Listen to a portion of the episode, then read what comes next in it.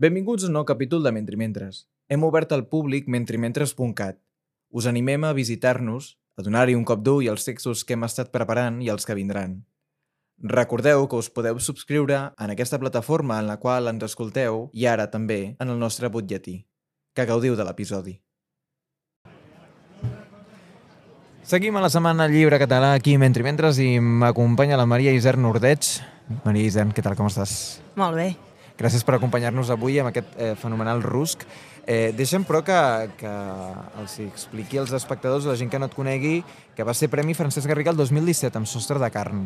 Uh -huh. Això a vegades també va bé que la gent no tingui el cap perquè no és la teva primera obra publicada i tampoc la teva obra primera publicada, en aquest cas a la Breu Edicions, que ho és aquest Premi Francesc Garriga i que és del 2017, que fa temps. Sabem, fa temps, però, fa temps. que has tingut una excursió llarga cap a les Frances, no? cap al nord, cap a París, Cap i que això t'ha portat sí. a l'estudi, en aquest cas, eh, de l'estudi dur i propi de, de, del que és el món universitari i que m'imagino que la cosa va per aquí i que segueix eh, en aquest sentit.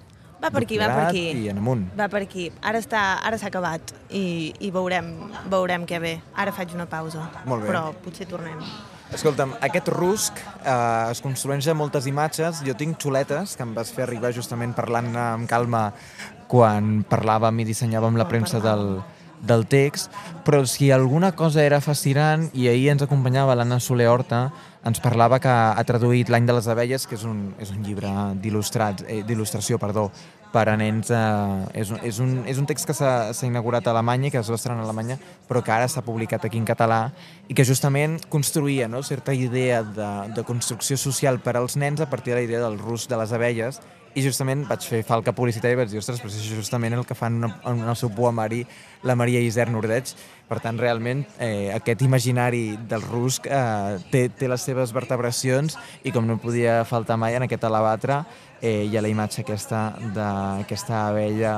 Eh, I et volia preguntar d'entrada, eh, per començar, eh, la imatge aquesta des d'un punt de vista des d'un punt de vista icònic o d'imatge, podria semblar que vas a buscar un, un rusc molt constructiu, molt, molt realista, però justament em vas enviar imatges de representacions de ruscs bastant antigues, justament. Sí, um, bé, perquè crec que és una feina així com d'anar traçant genealogia d'aquesta mena d'imatges que, que no està tancada i que, de fet, la, la, la gràcia per mi en tot aquest procés ha estat que Bé, és una qüestió que, que, que sí, que sempre que, que m'ha anat acompanyant, que m'ha anat obsessionant des de que vaig començar a escriure el poemari. També, com deies, doncs, eh, fa, fa temps i de, de tot plegat i, i l'ha travessat eh, el temps també, però, però és una cosa que, que va anant i venint i, i, i que vaig descobrint també, doncs, eh, aquest llibre, per exemple, que ara deies, doncs, que no, no, no en sabia res.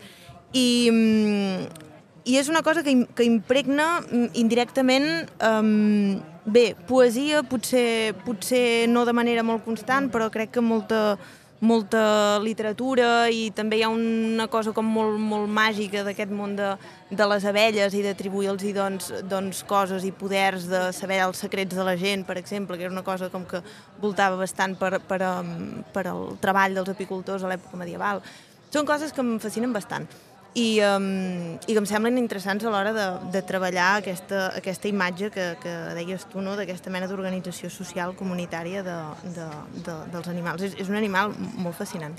Hi ha molts elements plàstics, hi ha molts referents, però hi ha una cosa que, que cal, cal certa, abordar la certa complexitat, que és el llibre, que són tots els paratextos que acompanyen els altres textos, perquè tenen una relació amb el text molt singular i el llibre comença només amb dos paratextos, que són dues cites, en aquest cas de la Lina Meruane i del Tonino Guerra, i et volia preguntar què hi fan aquests dos textos i si els hi podem fer una referència ràpida.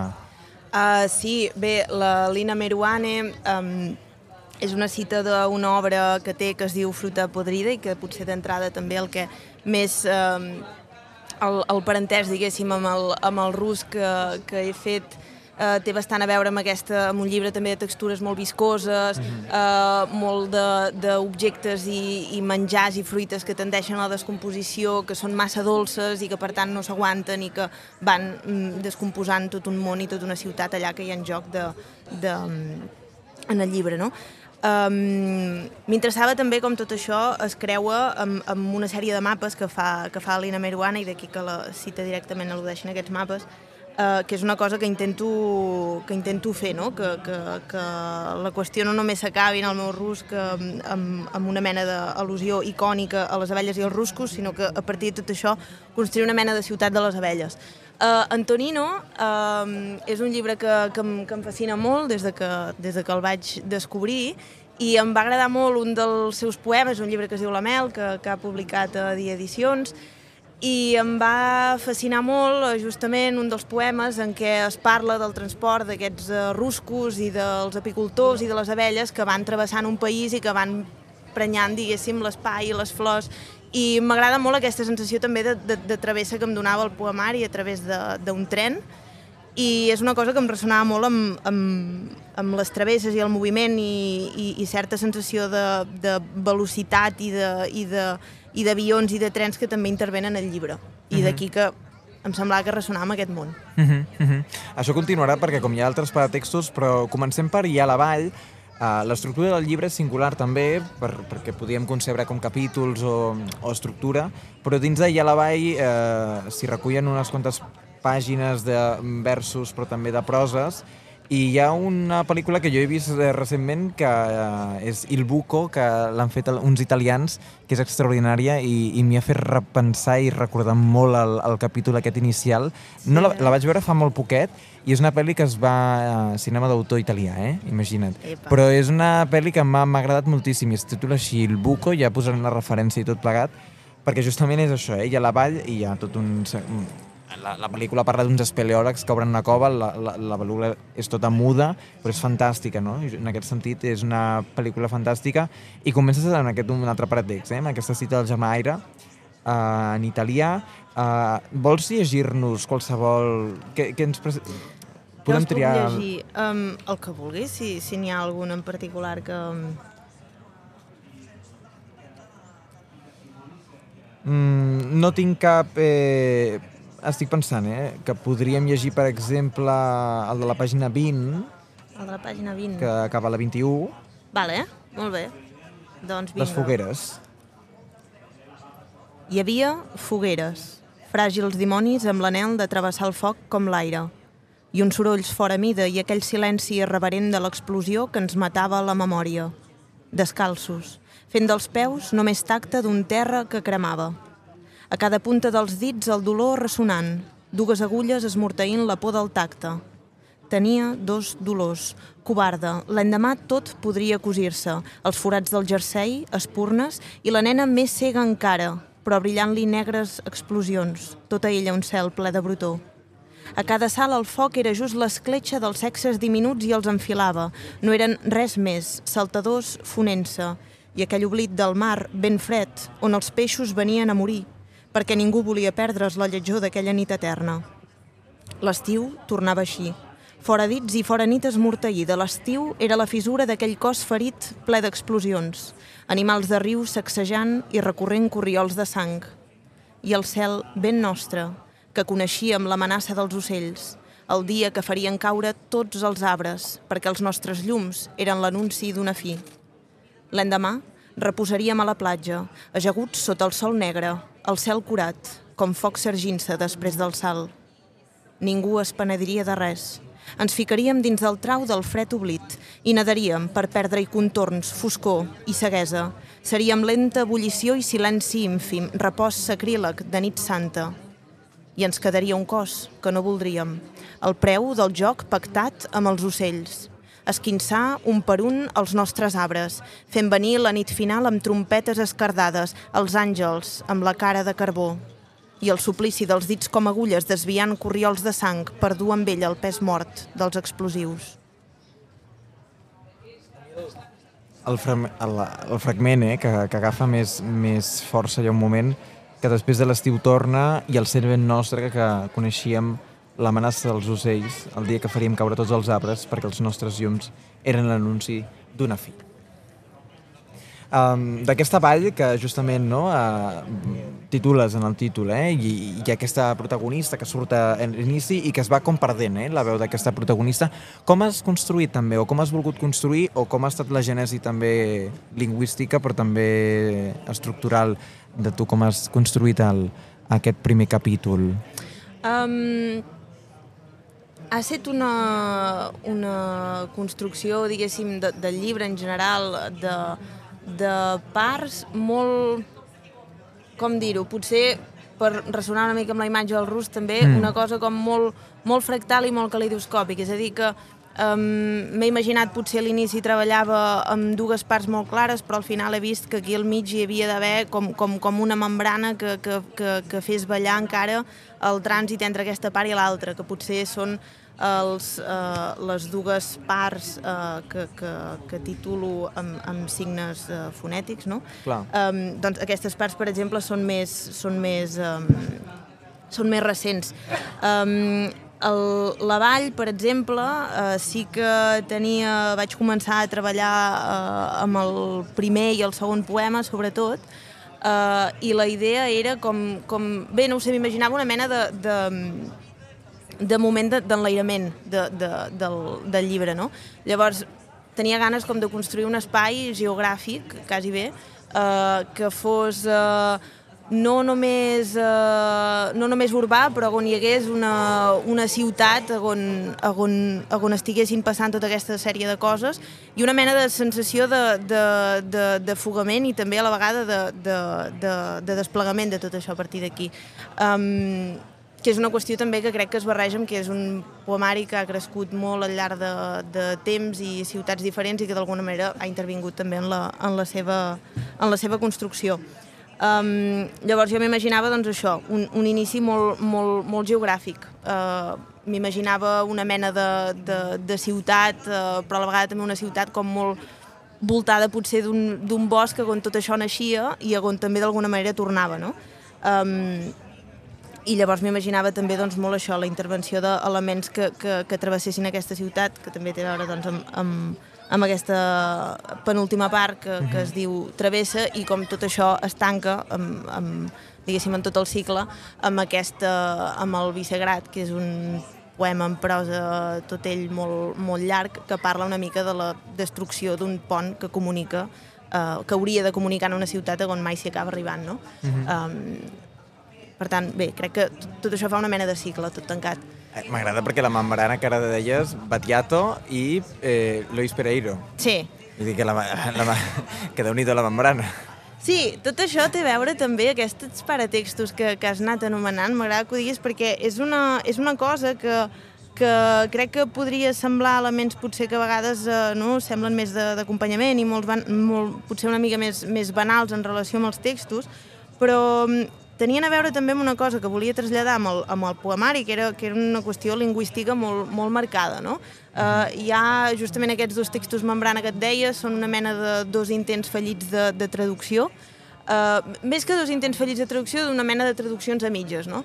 I aquí, doncs, um, tot això també té molt a veure amb aquests paratextos perquè connecta bastant amb, amb la qüestió de com entren en joc el, el català, en aquest cas, que és, que és, la, que és, que és que és la llengua amb què tot això està escrit, amb altres eh, llengües que hi entren de manera bastant també eh, minoritària. I amb el gallec, que crec que hi té una eh, presència especial, i on m'interessava també fer aquesta mena d'efecte de, de, mirall amb el català d'espai de, de, de minorització, um, de, de llengua minoritzada també.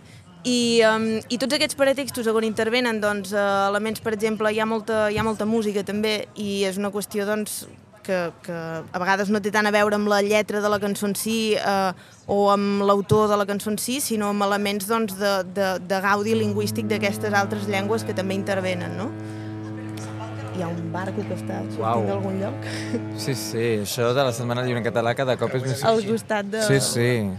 Sí, eh, sí, sí Ciutadans, tots al creuer rusc. Mm. Doncs, eh, en línia amb la qüestió lingüística que deies, jo recordava que també hi ha una qüestió que traspasses a la llengua, que és aquest muntatge o aquesta peça que vas preparar per l'exposició al Bòlit de Girona. No sé si en mm. podem parlar amb calma, perquè també no, el, el títol era El meu cos coneix cants inaudits, la carn diu vers, soc carn espaiosa que canta, una Sí. recerca sobre el gènere, monstruositat i esdevenir l'altre. Sí. Explica'ns una mica també, perquè això cer certament té certa relació també ara amb la qüestió que després encarles, encarnes lingüísticament. Sí, crec que sí. Um, sí, sí, sí. Va ser, a més, va ser molt, molt, molt guapo poder formar part de- d'aquesta exposició, que el que venia a intentar fer era eh, reflexionar o aportar, mm, diguéssim, en el nostre cas, eh, jo vaig treballar una peça audiovisual amb molta presència, diguéssim, també eh, poètica i, i, i de veu, diguéssim, que acompanyava la peça.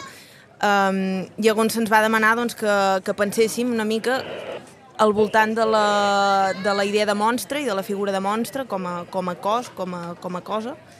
Um, I és una cosa que doncs, vam, en el nostre cas vam vincular bastant eh, al, al desig i, i, a, i a la gana.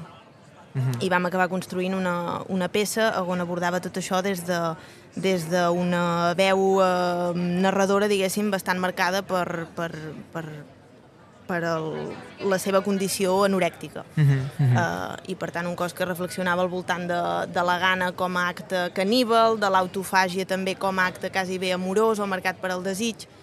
Crec que també ressona una mica amb, amb això, tot i que potser ja s'escapa més, però, però ressona amb algunes de les coses que hi ha a Rusc. I en la formulació de desig, eh, parlem de figura, Eh, figura, pàgina 55, uh, perquè la primera frase, el llit ets un martell, bueno, podem llegir-ho tot i després ho Sí, comentem. podem llegir-ho tot, a veure si el trobo. Um, aquí. Sí, a més, ve, ve, ve acompanyat d'una cita de l'Anna Dodes que Mhm. diu «El meu cor pertany a la grapa d'un ogre».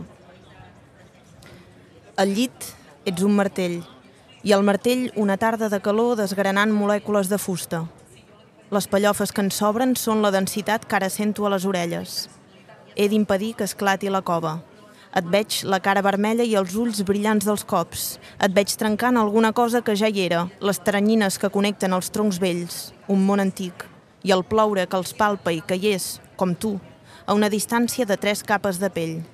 Quasi tot orifici suporant, a cor obert, amb residus de conversa entre les dents, i les dents punxants, advertint si el blanc ple de bombolles fent els altiplans de les d'endins. I és tot vermella la piscina enterbolida per l'escuma, vermell d'un os que es desintegra ben deixat per sempre la geniva.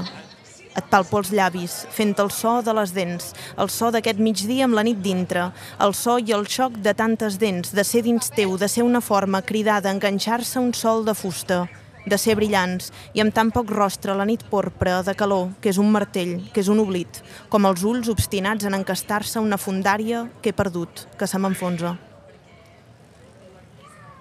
I el títol és Figura. Figura, sí, que Figura. això ho hem dit Figura. ràpidament, sí. Figura. Sí, i crec que justament, doncs, um, doncs sí, um, és un monstre. Mhm. És un monstre, és un monstre que, que, que, que, que, crea, que es crea, que passa en, en un llit. Um, crec que sí, també tot té a veure amb que, bé, al final la Rusk és, és, suposo que es podria dir que és un recull de poemes bastant amorosos o bastant eròtics. Um, I també tenia ganes d'intentar parlar de tot això, que són temes que sempre doncs, ens, ens preocupen i ens agrada parlar-ne, sobretot, des d'algun lloc on es renovés una mica aquesta cosa tan gastada també que tenim ja al voltant de l'amor i també tan fiscalitzada en paraules com això, no? com, com, com, com heterosexual o lèsbic o no sé què, eh, o, o poliamorós, o tota aquesta sèrie de coses que a vegades també creen com, com espais molt, molt, molt marcats d'expectatives, no?, també. Um, tot i que, bueno, a vegades també són, són un punt d'inici des del qual eh, òbviament, eh, posicionar-se per, per, per, per escriure alguna cosa, i en aquest cas també doncs, eh, són, són, són paraules que marquen al- alguna cosa rusc. Um, I llavors m'interessava justament doncs, com, com, com l'amor, des d'aquest punt de vista, i crec que sobretot des del registre poètic, pot arribar a esdevenir una cosa molt monstruosa, no?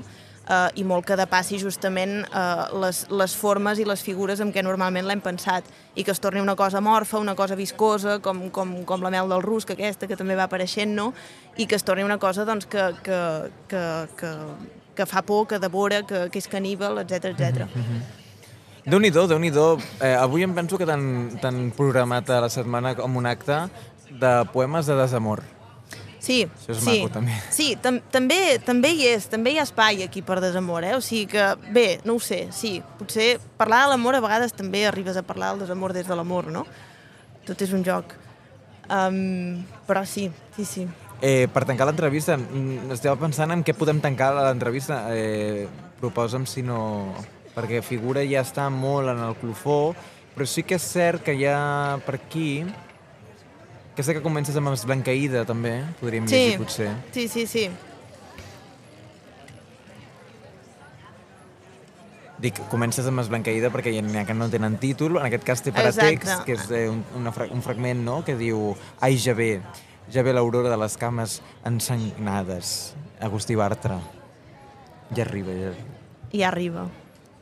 Esblanqueïda. S'empenyia a la darrera col·lisió. L'estrella brillant com cosa morta, amb aquella seva mort tènua, que era un morir diferent. La seva esquena engronant la màquina de l'aliment que li encalçava el desig. S'hi acostava amb un mareig permanent, esfilagarçant la gana dels ventres, sutures invisibles dels parts secrets d'hospital. La nit sencera entre les cuixes, tot hi anava, negant-se a la foscor i aquell cos encara l'hàbil estimbant-se sempre al cel. Negra nit, encesa, la nit, el seu sexe crístic un dia faria estralls amb tota la inflor del món en hora punta. I la culpa dels creixements alçaria altars nous plens de flors. Rebentarien crisàlides plenes de goig per no voler ser res més. Aquell fin insuportable, cisellant precís, les ganes de ser immenses sempre. Un havia fet la seva llum al primer cos. Oh, nit santa i lluminosa de cossos vells i aparcats, impúdicament crescuts, encofornant-se com arrels esbatanant el terra d'asfalt. I dic que em mato de gana perquè vull, i em faig translúcida, espectral, per la guerra tan antiga de ser crística, sols perfum cremant neu fosa sobre pell dels qui amb l'amor, sobre les bàscules obtuses d'hospital. El mareig és blanc i entafora la noia als cims profuns, fins a tenir el mateix tacte que una nit a les mans. Passejaria el seu cos ensangonat, bressolat a les mans per lliurar-lo a les flors, perquè jo, malalta, m'atensava com un mar a una illa nova espetegant, i venia, i venia, i s'acostaven les estrelles suturant l'esclat. Les cames encronant-se com la lluna que escandeix. Volia que fos no res, domini del no res enllà del cos després d'un engoliment al·lucinant, donar l'ofrena amb la culpa auroral d'haver menjat.